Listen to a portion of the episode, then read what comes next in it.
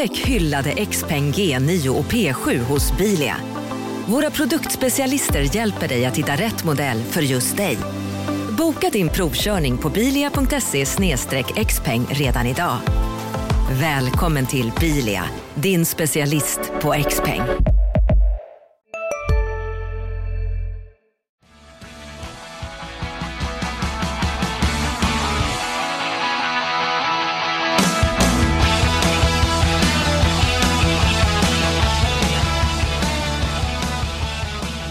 Varmt välkomna tillbaka till eh, Sportklubben, Elitsportens podcast om SSK och Hockeyallsvenskan. Jag heter Jakob Sjölin och eh, nu är Södertäljes säsong över. Och eh, för att analysera den och silly season har jag med mig Andreas Hansson. Välkommen! Ja, men tack så mycket. Kul att vara tillbaks. När vi spelar in det här har SSK presenterat säsongens första värvning. Jonathan Harry från Tingsryd är klar på ett tvåårskontrakt. Vi ska återkomma till silly season och hur SSK kan tänkas bygga det här nya laget eh, i slutet av podden. Men eh, först tänkte vi att vi skulle börja där det slutade, nämligen i Västervik och Plivit Arena. Jag var på plats, du följde de här matcherna på Simor. Yes. När du, när du tittar tillbaka på kvartsfinalen, vad var det som gjorde att Västervik gick vidare? Ja, vad var det? Det var en, eh, som jag ser en, en taktisk utmanövrering av SSK eh, sett över hela matchserien. Och eh, där SSK lyckades vinna match 1 på ja, ett sätt som eh, inte fungerade i de andra matcherna.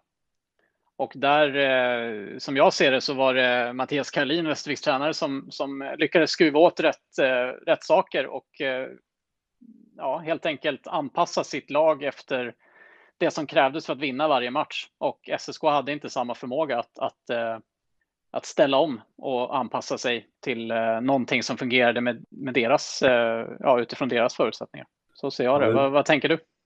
första matchen var ju väldigt jämn och det hade väl kunnat gå åt båda håll. Där fick man ett PP-mål med sig och Kristoffer Bengtsson sköt ett mål från, från blå linjen som blev avgörande. Sen är det som du säger att jag tycker också att eh, Västervik manövrerar ut Södertälje. Man får matchen dit man vill. Vinner egentligen på fysik, disciplin och att man får ned farten i matcherna. Södertälje hittar inget sätt att ja, spela sig ur Västerviks grepp. Och egentligen så är det kanske inte så förvånande, för det var precis så här det såg ut i grundserien också.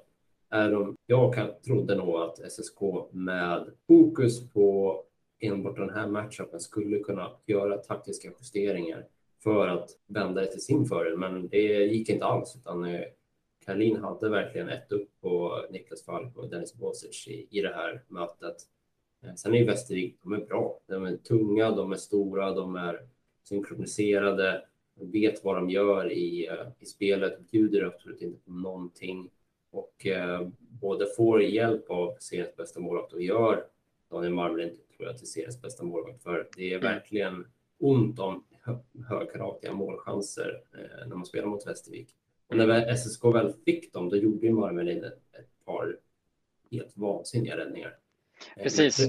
Räddar i match två med klubbspetsen när Olesson har öppet mål efter 11 eh, sekunder och i match tre så lyckas han eh, med benskyddet styra undan en, en retur som Hugo ska lyfta in från en meter. Liksom. Och de där räddningarna blev ju också avgörande. Ehm, för det, det är också sådana aspekter som spelar in. SSK fick inte riktigt de här matchvinnande prestationerna från sina målvakter. Mm. Fredrik Bergvik kom in i, i match 3 och 4.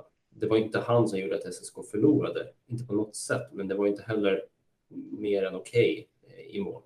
Mm. Och man behöver mer än okej okay för att gå vidare i ett slutspel. Skulle du säga att Västervik hade fler riktigt alltså, högkaratiga målchanser än vad SSK hade i den här matchserien totalt sett? Alltså jag är inte säker på att de hade så jättemycket Nej. klara målchanser. Alltså vi pratar liksom skott i slottet, frilägen, alltså sådana här solklara målchanser.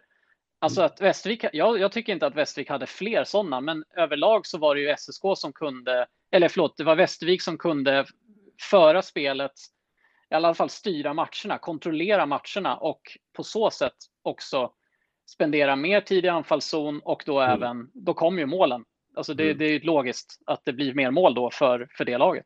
De hade kanske fler lägen på returer och liknande skulle jag säga. De mycket av Västerviks spel byggde på det tycker jag. Att man vinner puck och skickar in mycket puck framför mål mm. med trafik och förstyrningar och skymning och så vidare.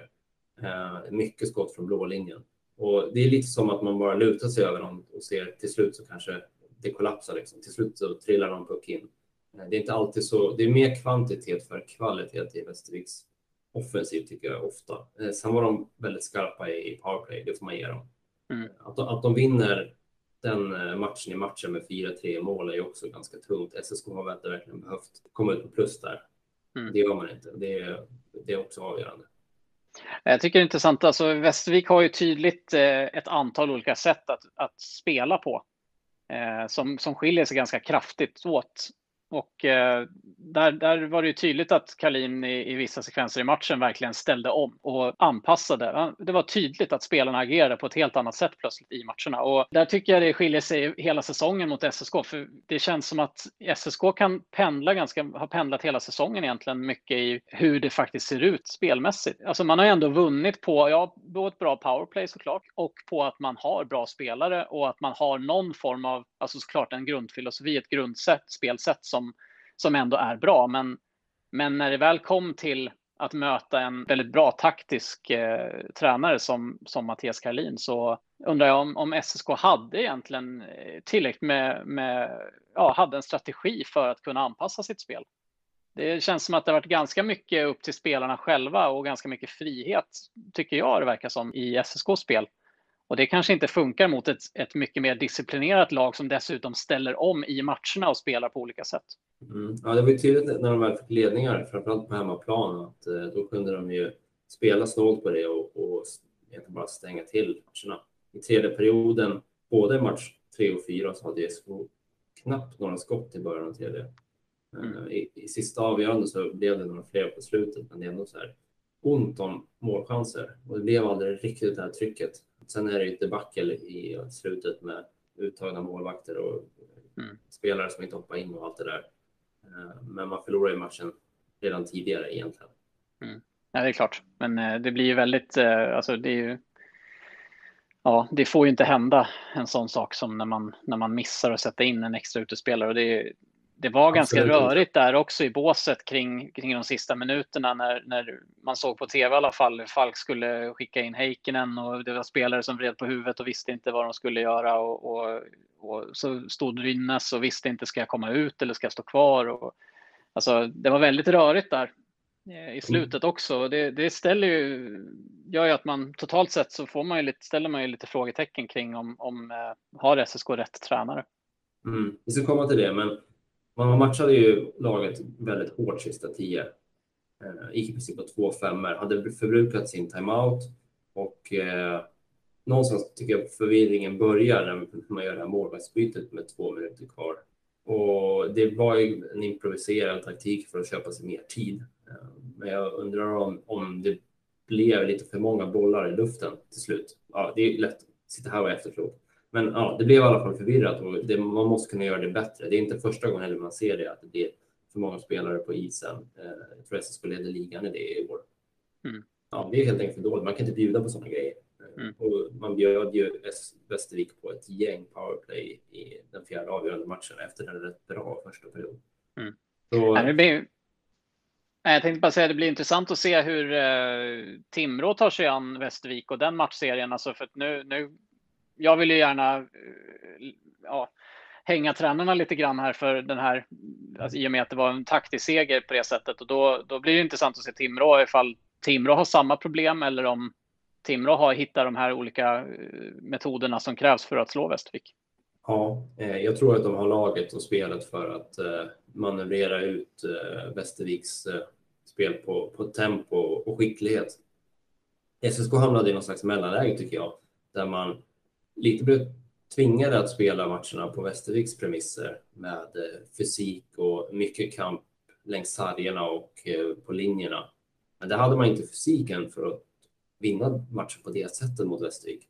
Men man hade samtidigt inte heller det kollektiva spelet eller skickligheten för att slå dem med, med tempo och fart. Eh, så det blev någon slags limbo där man fastnade mittemellan. Där, där, jag var inne på det efter sista matchen att där behöver SSK välja väg antingen så behöver man gå mer i riktningen att bli ett fysiskt lag eller så behöver man gå mer i riktningen att vara ett spelskickligt lag. Mm. Uh, och det blir intressant att se vad Samuelsson väljer. När han tillträdde som sportchef så fick man ju mera intrycket av att han ville bygga ett spelande SSK som kunde vara attraktivt att spela i, som kunde vara attraktivt att titta på uh, och som kunde kontrollera matchbilder. Uh, sen dess har det kanske inte riktigt låtit så under säsongen där det har varit mer fokus på att vara jobbig att möta, vad det nu innebär. Jag tycker att det blir lite upp till bevis den här sommaren, vilket håll man vill ta det och vilken identitet man faktiskt vill ha på klubben framöver. För jag tror att det är viktigt att, att ha en tydlig sån idé om vad man ska, eh, hur man ska spela hockey. Sen så tror, är det också så att i ett slutspel så, så vi pratar om de här justeringarna, olika spelsätt. Man behöver kunna spela på olika sätt, men det behöver finnas en grundidé och, och spelartyper därefter ett spelskickligt lag måste ju såklart också ha liksom element av fysik och kraft. Annars blir man ju i vissa matchups ändå överkört. Så det behövs ju både och såklart, men en tonvikt på någonting vore mm. bra. Ja, är det godkänt ja. då?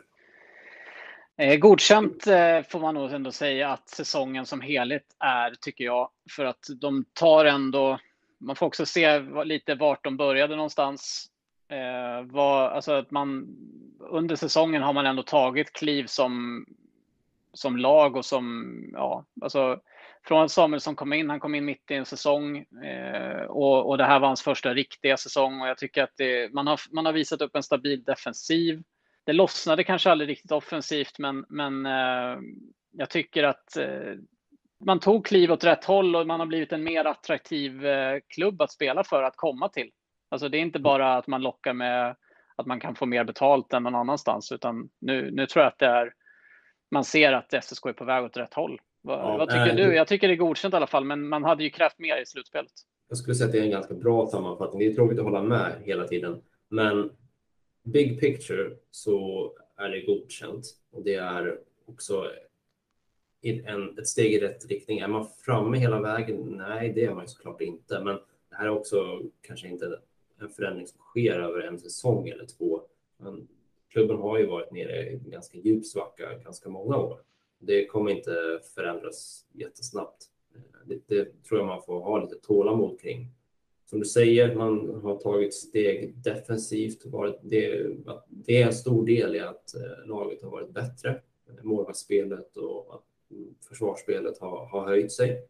Men det är såklart att Sortin här i slutspelet lämnar en viss eftersmak. Det blir lite av ett antiklimax där man inte riktigt får ut kanske den individuella kapacitet som finns i spelarna. Det känns som att man har bättre ingredienser än man får en anrättning på slutet. Eh, och det gör ju också att det känns som att det hade kunnat gå längre. Sen hur mycket längre? Jag tror ändå inte att eh, Södertälje hade lag eller spel för att rå på ett Timrå semifinal till exempel. Mm. Att åka ut i kvarten eller i, i semin, ja, det är, jag tycker att det är lite hackat eller malet. Ett sånt här år så inga, finns det inga intäkter man förlorar på det. Hur mycket mer attraktivt hade man varit för spelare om man hade åkt ut i semi? Jag tror inte det är så stor skillnad heller. Mm. Då är sådana parametrar som vilka får jag spela med, vem coachar, hur ska, vi, hur ska laget spela? Sånt är viktigare än mm. om man åkte ut i semi eller kvart. Det, det, mm tror jag inte är så viktigt för spelare. Och så, på så sätt så tycker jag inte att det är någon jättefara eller att det gör så stor skillnad att man åkte ut i, i, kvart för att det här laget var inte riktigt redo för att gå upp då. Eh, det hade varit en sån supersensation om man hade slagit ut Timrå och gått hela vägen. Alltså, verkligen. Mm. Jag tror att eh, alltså bland supporterna så ser man det nog väldigt negativt som att just Västervik som liten klubb och allt sånt där, alltså att, att man åker ut mot, mot dem. Men, men jag tror bland inom branschen så tror jag inte att SSK behöver skämmas för att man åkte ut mot Västervik, för alla vet vilket bra lag Västervik är och hur svåra de är att möta. Så att, eh... det, grejen det här med liten klubb och så, man måste få se det i ett större perspektiv. Att pengar, budget, sådana förutsättningar, de gör skillnad över tid. Eh, gör att man får bättre förutsättningar att göra resultat från år till år. Mm. Och kanske liksom, tittar du på en stor klubb då i allsvenskan kontra en liten klubb så slår du ut deras resultat över 6, 7, 8 säsonger så kommer den större klubben förmodligen snitta en bättre placering.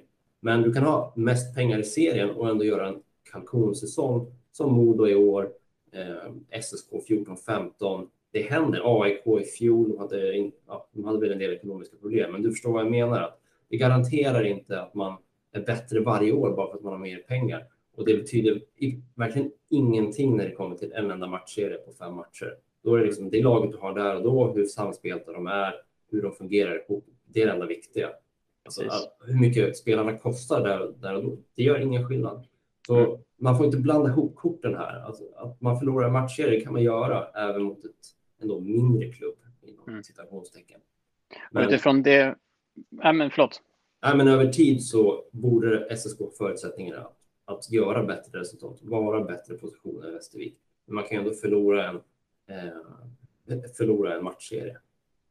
Precis, och utifrån dem, det du just sa så tycker jag att då, då kan man också se det som så att SSK tog ett kliv som var väldigt viktigt den här säsongen. Just att man klev upp på de här topp eh, alltså top fyra i tabellen och nästa säsong så ska man, som jag ser det, vara ett ännu mer stabilt topp fyra lag Alltså där ska man ligga, man ska vara uppe och nosa på serieseger och vara en av ligans absolut bästa, svåraste lag att möta och visa att man har ett spel och flera olika sätt att vinna också. Eh, och att man eh, tar det steget till nästa säsong. Och, mm. och den, de, de möjligheterna har man ju nu, till skillnad från kanske Västervik som kommer att tappa många spelare. Nu tappar man tränaren. Ja, vem vet vad som händer liksom där. Men SSK kommer ha bra förutsättningar nästa säsong också. Och mm. eh, förhoppningsvis kunna bygga ett, ett ännu bättre kollektiv, alltså ett bättre lag helt enkelt, som kan gå längre i slutspelet. Mm. Så här i efterhand då, vad tycker du att värvningarna som kom in under säsongen eh, tillförde? Var, var de, för det är något som fansen diskuterar mycket just nu. Liksom, vad, gjorde man rätt när man försökte förstärka laget? Var det rätt spelare? Var det rätt satsningar? Eh, hur förvaltade man pengarna från insamling och så vidare? Mm. Det, det är en het potatis, minst sagt. Ja, det är det absolut och det förstår jag. Och visst kan, visst kan man kritisera eh, Micke Samuelsson absolut för det. Sen är det alltid svårt. Jag vill gärna se det lite nyanserat på så sätt att det, det fanns liksom inte en massa lediga superstjärnor som bara satt och väntade på att få ett kontrakt, vilket jag tycker att viss, alltså en del kritik verkar handla om att spelarna som togs in var för dåliga.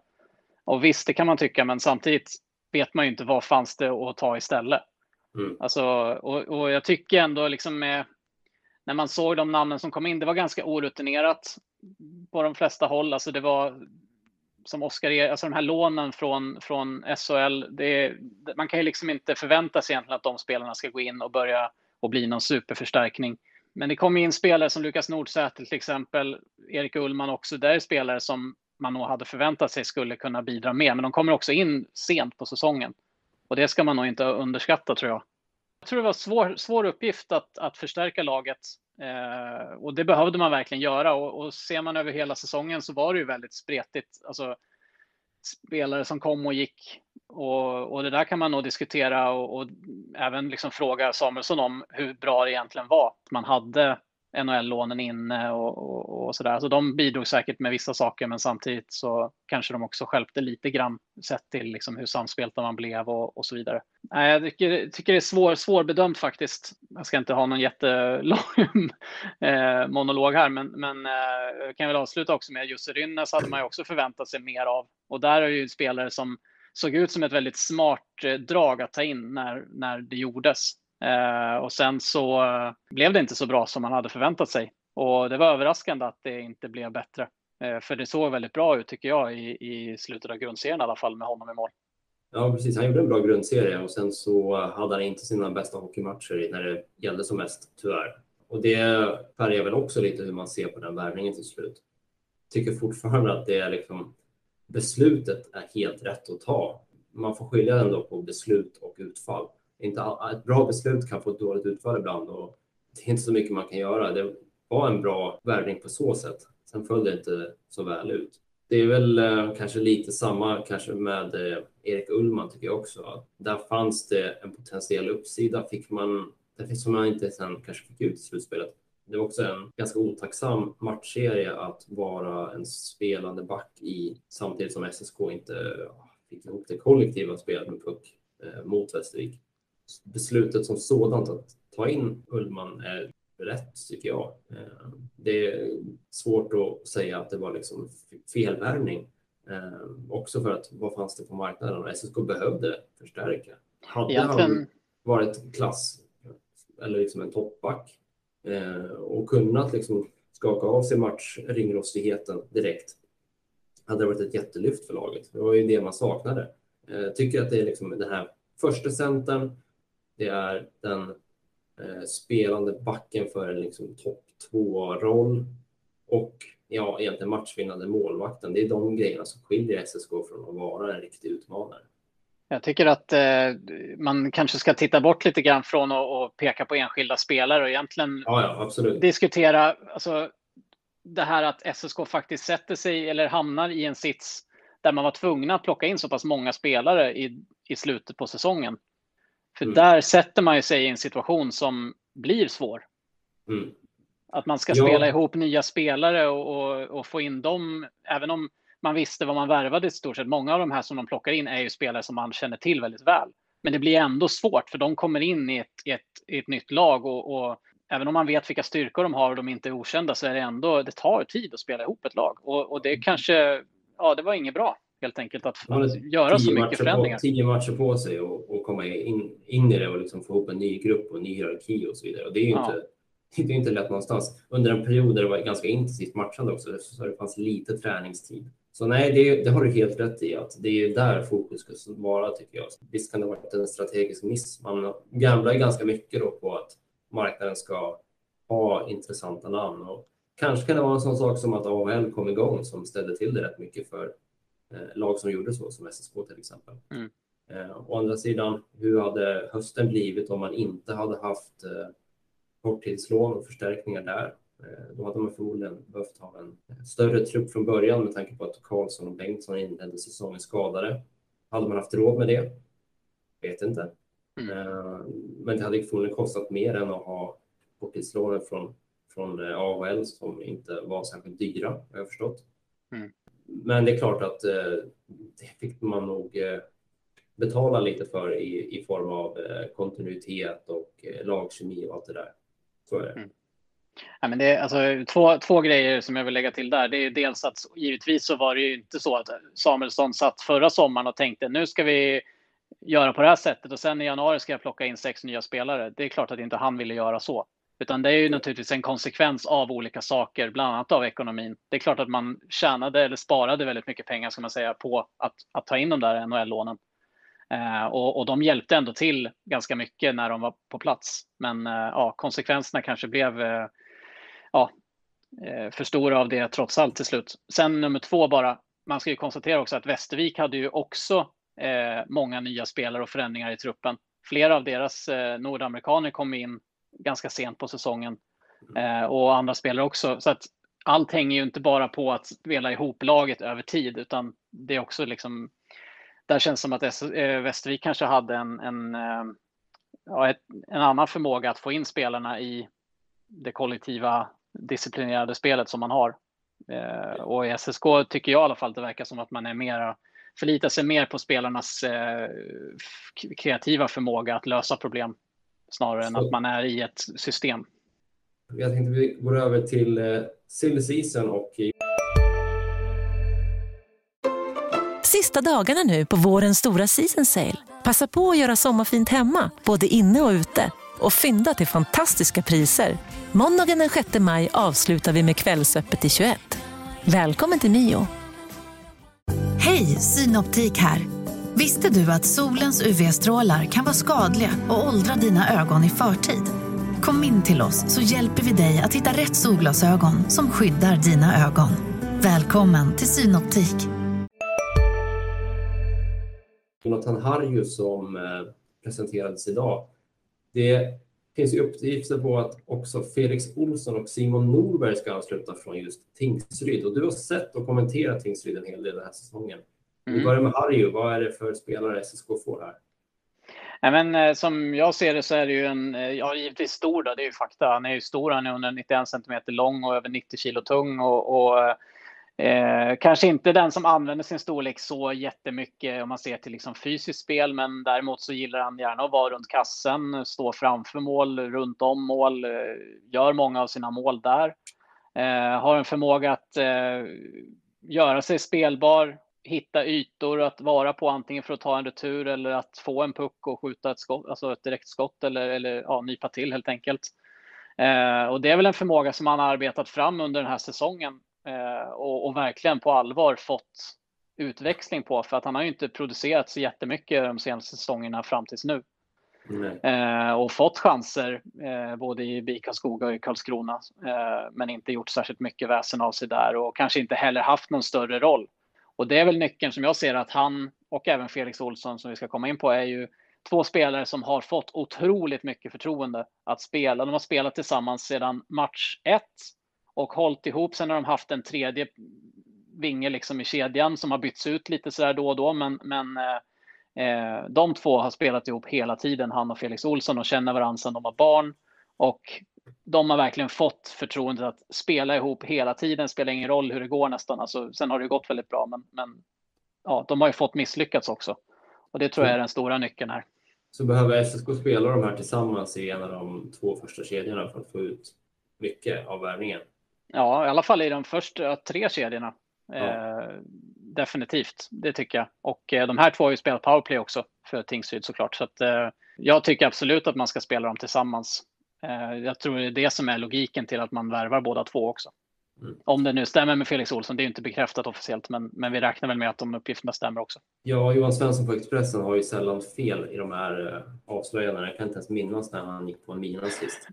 Har han säkert gjort, men uh, det är ju långt emellan dem. Ja, jo, det händer, men det är inte ofta. Han är väldigt skicklig på att leta fram de här nyheterna, så att Felix Olsson lär väl också dyka upp. Och Simon Norberg, mer av en spelare för kanske fjärde kedjan för att stärka upp konkurrensen där nere kan spela både center och forward, eller hur?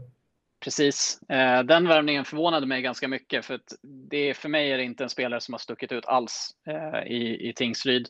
Ja, absolut en, en grovjobbande, hårt jobbande spelare, liksom defensivt, spelar boxplay och sådana saker. Eh, så att visst, han är väl användbar och kan spela på många positioner och sådär. Men ja, jag, jag, jag blev lite förvånad, men men eh, visst, det kan väl säkert bli bra. Han är ju i alla fall skolad i Leksand och har spelat nu några säsonger på den här nivån så att det kanske finns någonting mer att hämta där. Men jag har inte sett någon offensiv liksom, off uppsida på honom direkt. Om något har den här säsongen visat att SSK ändå behöver gå in i säsongen med mer än 12 forwards. Precis, så där är det ju bra. Han kan nog ta nästan lite vilken roll som helst liksom som, som breddspelare. Mm. Ja, vi ska också titta lite på eh, kontraktsläget, var SSK står nu och eh, coachfrågan. Vi kan börja med, eh, vad tycker du ska börja med? Vi börjar med coachfrågan. Mm, vi börjar där. Så får vi se hur mycket kontraktssnack vi hinner med när det gäller spelare. Men grundfrågan är helt enkelt, ska Bosic och Falk få nytt förtroende? Vad tycker du? Mm. Ja, det är en intressant fråga. Hur är status nu egentligen på de två? Alltså kontraktsmässigt och, och så. Båda har utgående. Vad jag förstått det så har Niklas Falk utgående kontrakt och det finns ett optionsår för Dennis Bosic. Just det, så att eh, jag, jag, kan tänka mig att eh, att de behåller Dennis Bosic eh, som eh, jobbat mycket med försvaret, satt ett bra försvar den här säsongen och, och försvarsspel och, och, haft ansvar för de bitarna och, och jobba vidare på honom det tycker jag absolut att man kan göra och så kan jag se att man kanske gör honom till mer renodlad assisterande coach och tar in en, en eh, tränare som blir mer huvudtränare och, och, tar mer tydligt huvudansvaret än vad kanske Niklas Falk har gjort. Mm. För mig handlar tränarfrågan mycket om vilken spelfilosofi man vill ha som klubb och att tränarna måste matcha det. Vill man fortsätta med den typen av hockey man har haft de senaste två åren okej, okay, då kan man förlänga om man tror att det är vägen framåt. Vill man förändra spelsättet så kanske man behöver ta in en coach som har idéer som, som matchar det, som eh, är kanske en eh, bättre på att få ihop det kollektiva taktiska spelet än vad SSK har haft de senaste två säsongerna. Eh, en coach som, om man vill det, har mer fokus på eh, puckorienterat spel och puckinnehav Powerplay har ju varit toppklass. Boxplay har varit okej. Okay. Eh, inte mer än så. Inte bland de bättre i serien, men inte bland de sämre heller. Mm. Så eh, där finns det ju en del kompetens i tränarskapet nu man lyckas liksom lösa det. Men samtidigt är det också spelformer som bygger mycket på individuell skicklighet. Många spelare har sagt att Eh, när vi är som bäst är det när vi håller det enkelt och bara liksom ser vad motståndarna ger oss och ja, spelar på det. Nick Olesen till exempel menar att äh, men, jag har inte så många varianter, det handlar om hockey-IQ för mig. Liksom. Vi, vi ser vad som finns och, och straffar motståndarna därefter. Så det bygger också på att man har skickliga spelare eh, för att kunna ha ett effektivt powerplay. Och det har ju verkligen SSK haft den här säsongen. Den första mm. halvan stod Evan Bouchard på blå. Han var, han var rätt hyfsad. Jag tror att vi kommer kunna blicka tillbaka på det och tänka att ja, det var coolt att han spelade i SSK en höst. Ja. ja. men hur, hur, tror du att en kravprofil ser ut på en tränare då? Alltså, för jag, jag, tror ju lite som du är inne på att man ändå vill ha ett spel där man, där man är alltså, spelförande, spelskickligt. Visst, man kan ha fysik och klara av det spelet också, men, men alltså att man är ett, ett hyfsat tekniskt eh, ja, spelskickligt lag. Fem mot fem har ju spelet stått och stampat i två säsonger offensivt. Eh, även om vi säger, som vi varit inne på, att det har blivit tätare defensivt. Det, det, det, där ser man ändå skillnad. Eh, även om det inte, SSK inte på något sätt är liksom seriens bästa försvarslag heller, så är det liksom eh, betydligt bättre än för något år sedan. Och om det handlar om taktiska justeringar eller, eller förändringar i truppen, det är svårt att kanske säga exakt, men vad det ska vara för tränarprofil. Vill, vill man spela och vara ett spelförande lag så behöver det ju komma in någon som har Eh, sådana idéer som eh, kan förmedla det, få ihop spelarna och kanske i någon mån strukturera upp det bättre och ha någon slags taktisk variation så man kan möta olika typer av försvarsspel och ändå eh, vara vägvinnande. Eh, vem som har en sån profil, ja, det vet jag inte. Du kanske har några namn? Mm.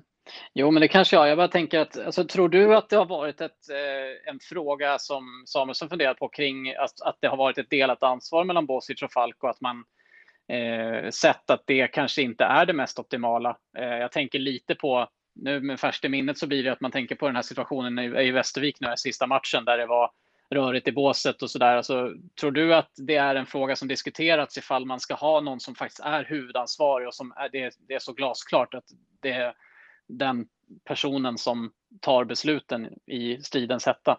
Ja, jag har inte fått några indikationer på vad han tänker där än, eh, men det är absolut en sån fråga vi behöver ställa efter säsongen här. Men jag vet ju att man som klubb tidigare tyckte att en tre lösning var det optimala. Nu ska man ha råd med det också. Det tror jag kanske inte att så många hockeyallsvenska klubbar kommer ha nästa säsong med tanke på eh, utmaningarna med corona i år. Ja, kanske en vits att ha en sån uppdelning, men i, i matchsituationer så kommer det ändå kunna bli rörigt om man bara har två tränare och de har ansvar för olika lagdelar.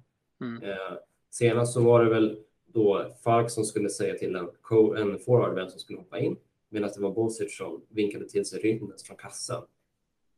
Det är möjligt att mm. de inte var synkade där, så det kräver ju en del att, att ha det så. Eh, mm. Kanske enklare om man har en huvudansvarig, visst, men eh, det beror också på hur man delar upp arbetsuppgifterna på bänken i match. Mm.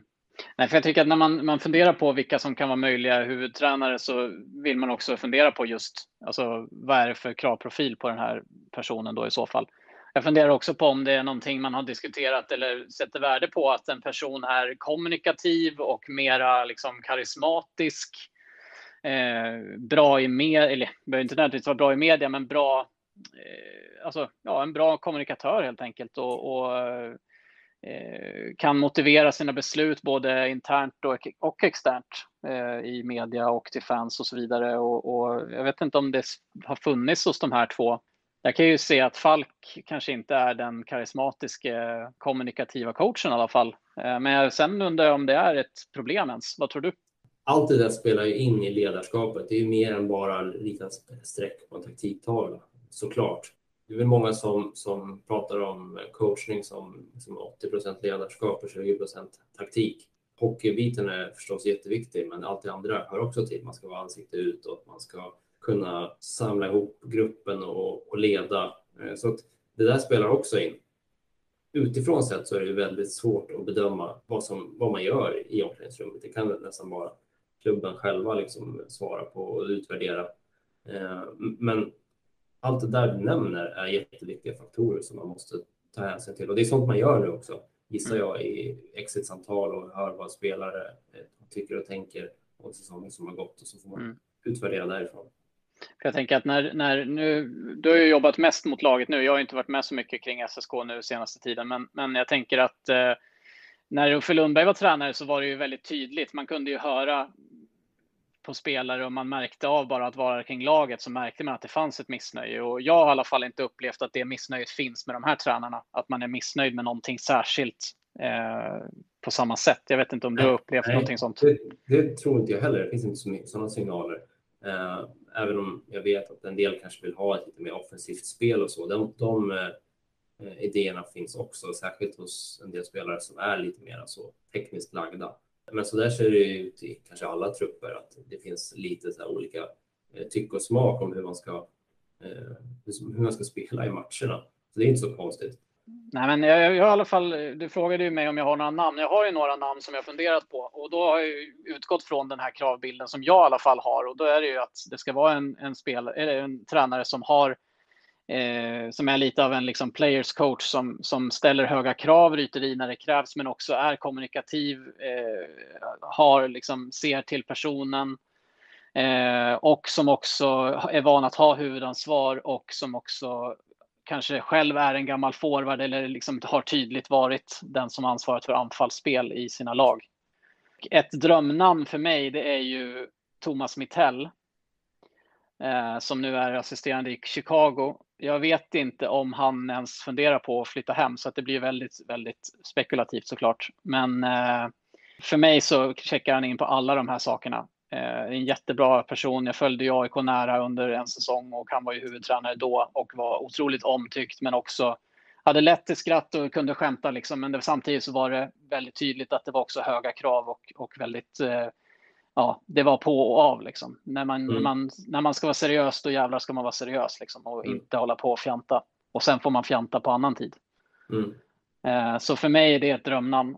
Jag lyfte in Staffan Lund eh, som vi har pratat om i podden förut, som vi vet var ett namn som var väldigt aktuell innan man bestämde sig för att köra vidare med Falko Bosic. Eh, och han var ju alltså i BIK Skoga och eh, ja, nådde väl en fjärde plats tror jag som bäst. Eh, ja, var i alla fall eh, ett eh, namn som de hade på gång där. Jag tror att han, han är intressant också. Han har väl ett jobb som någon mer civilt jobb just nu va? Vill han, han är, det? Ja, jag tror att han vill coacha, men ja, det kan jag inte veta med 100% säkerhet. Men, men han, han är någon form av klubbchef i eh, Lockerud, Mariestad i, i innebandy. Okay. Eh, jag tror att han är intresserad av att coacha vidare.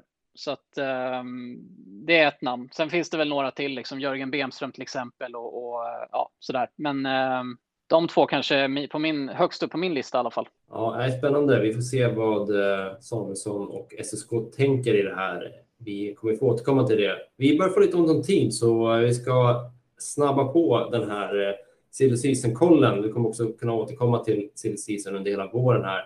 Men om vi tittar på kontraktsläget, Andreas. Eh, nu har vi rapporterat att det är en förlängning på gång med eh, Fredrik Bergvik. Hur skulle du göra med Jussi Rynnes?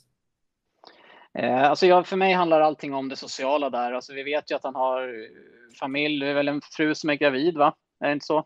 Hemma i Finland, ja. Ja, som är hemma i Finland och eh, ja, jag tror att allting handlar om det sociala där och vad han, vad han brinner för mest. Eh, om han är hundraprocentigt motiverad att spela i SSK och i Hockeyallsvenskan så tycker jag absolut att det är ett bra namn.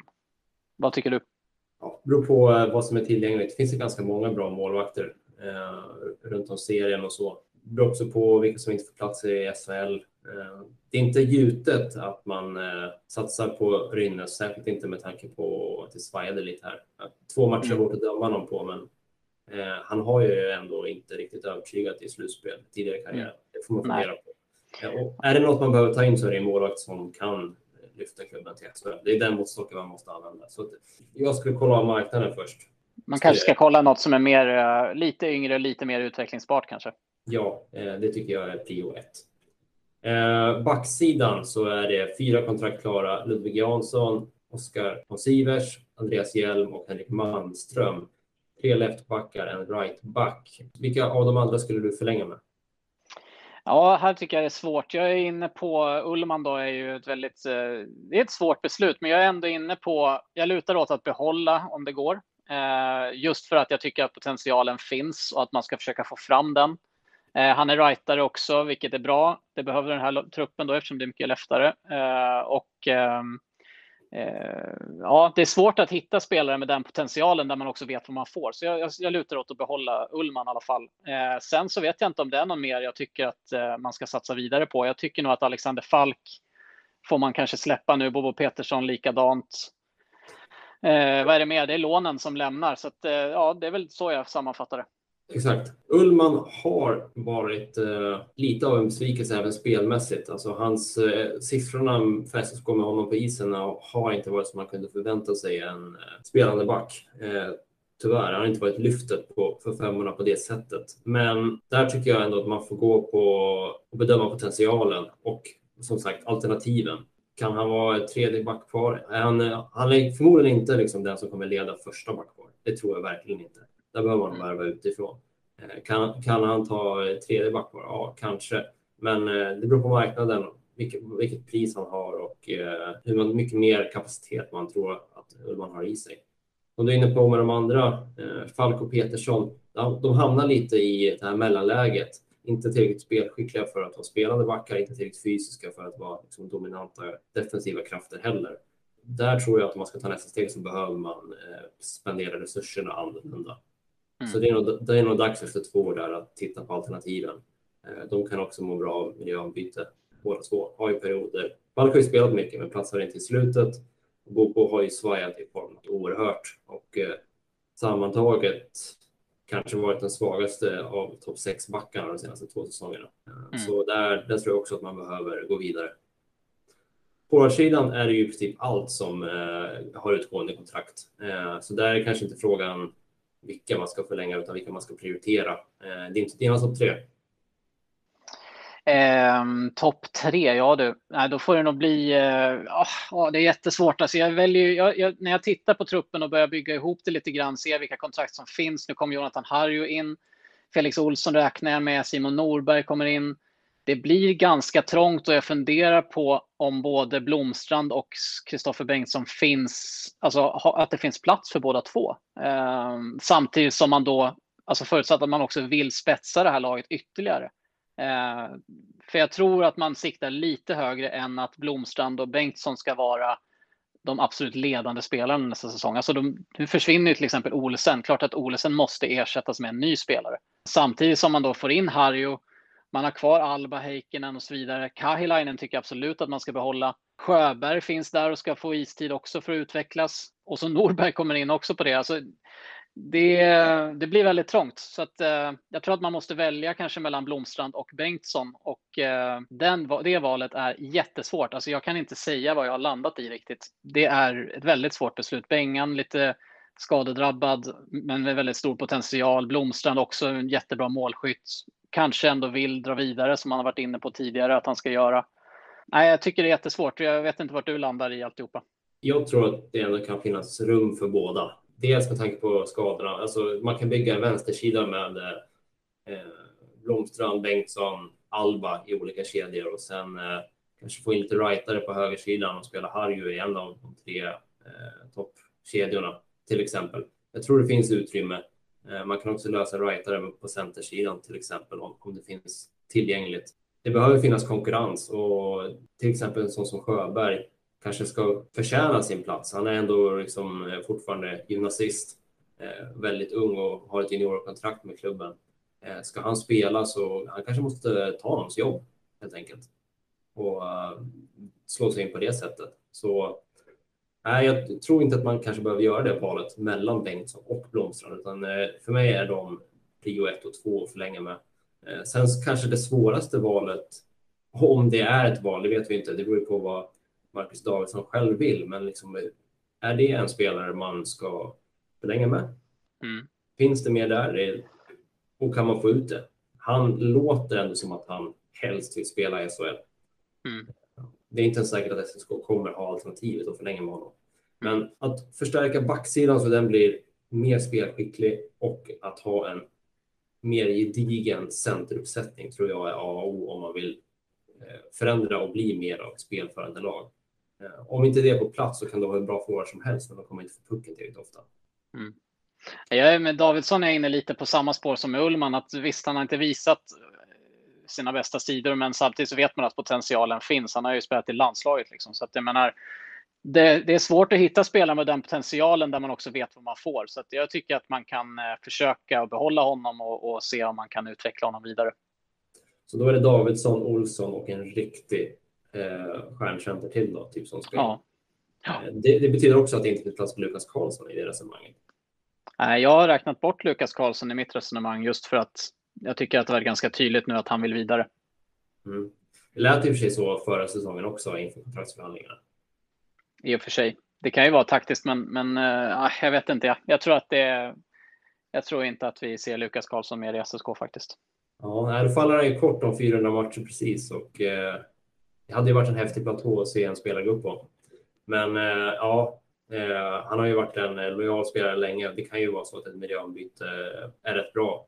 Ja, det är bara de vibbarna som, som jag tycker finns kring Lukas Karlsson just nu. Mm.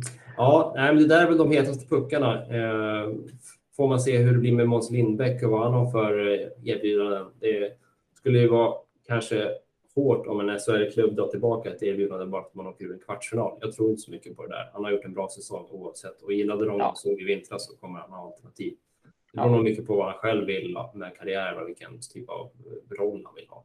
Nej, som jag, som jag tror så är Hugo, Hugo är klar, Måns är också klar någonstans, Ole Sen är ju klar som vi vet mer eller mindre också någonstans. Så att, och Lukas också försvinner. De tror jag vi får försöka ersätta i, i SSK nu nästa säsong. Mm. Ja, det blir en del att göra för Micke Samuelsson. Jag ska intervjua honom senare idag och eh, vi kommer att fortsätta bevaka silly season här under våren och lagbygget som tar form Eh, också andra frågor kring, kring klubben och ekonomin förstås. Men det kommer bli så att eh, podden tar ett litet uppehåll eh, nu efter säsongen. Vi ska eh, ta ett steg tillbaka, analysera lite vad som har varit bra under säsongen, vad som varit uppskattat och eh, fundera på vilken form det kommer ha framöver. Eh, så kommer det komma tillbaka, ja, kanske så småningom. Vi kan inte säga när eller så nu, men har ni feedback och eh, åsikter vad ni tycker om, vad ni inte tycker om, vad ni vill ha mer av och så vidare. Maila eller skriv till mig på Twitter. Det skulle uppskattas mycket. Eh, med det så tackar jag dig Andreas för att du var här idag. Och, eh, Tack själv. Tackar er som har lyssnat så säger vi på återseende antingen i poddform eller på sajten här under våren. Tack så länge. Ha det fint. Hej!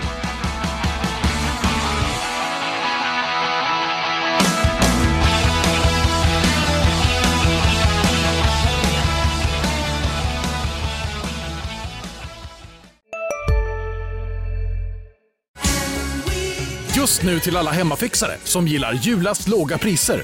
En slangvinda från Gardena på 20 meter för vattentäta 499 kronor. Inget kan stoppa dig nu. Ah, dåliga vibrationer är att skära av sig tummen i köket. Ja! Bra vibrationer är att du har en tumme till och kan scrolla vidare. Alla abonnemang för 20 kronor i månaden i fyra månader. Vimla! Mobiloperatören med bra vibrationer.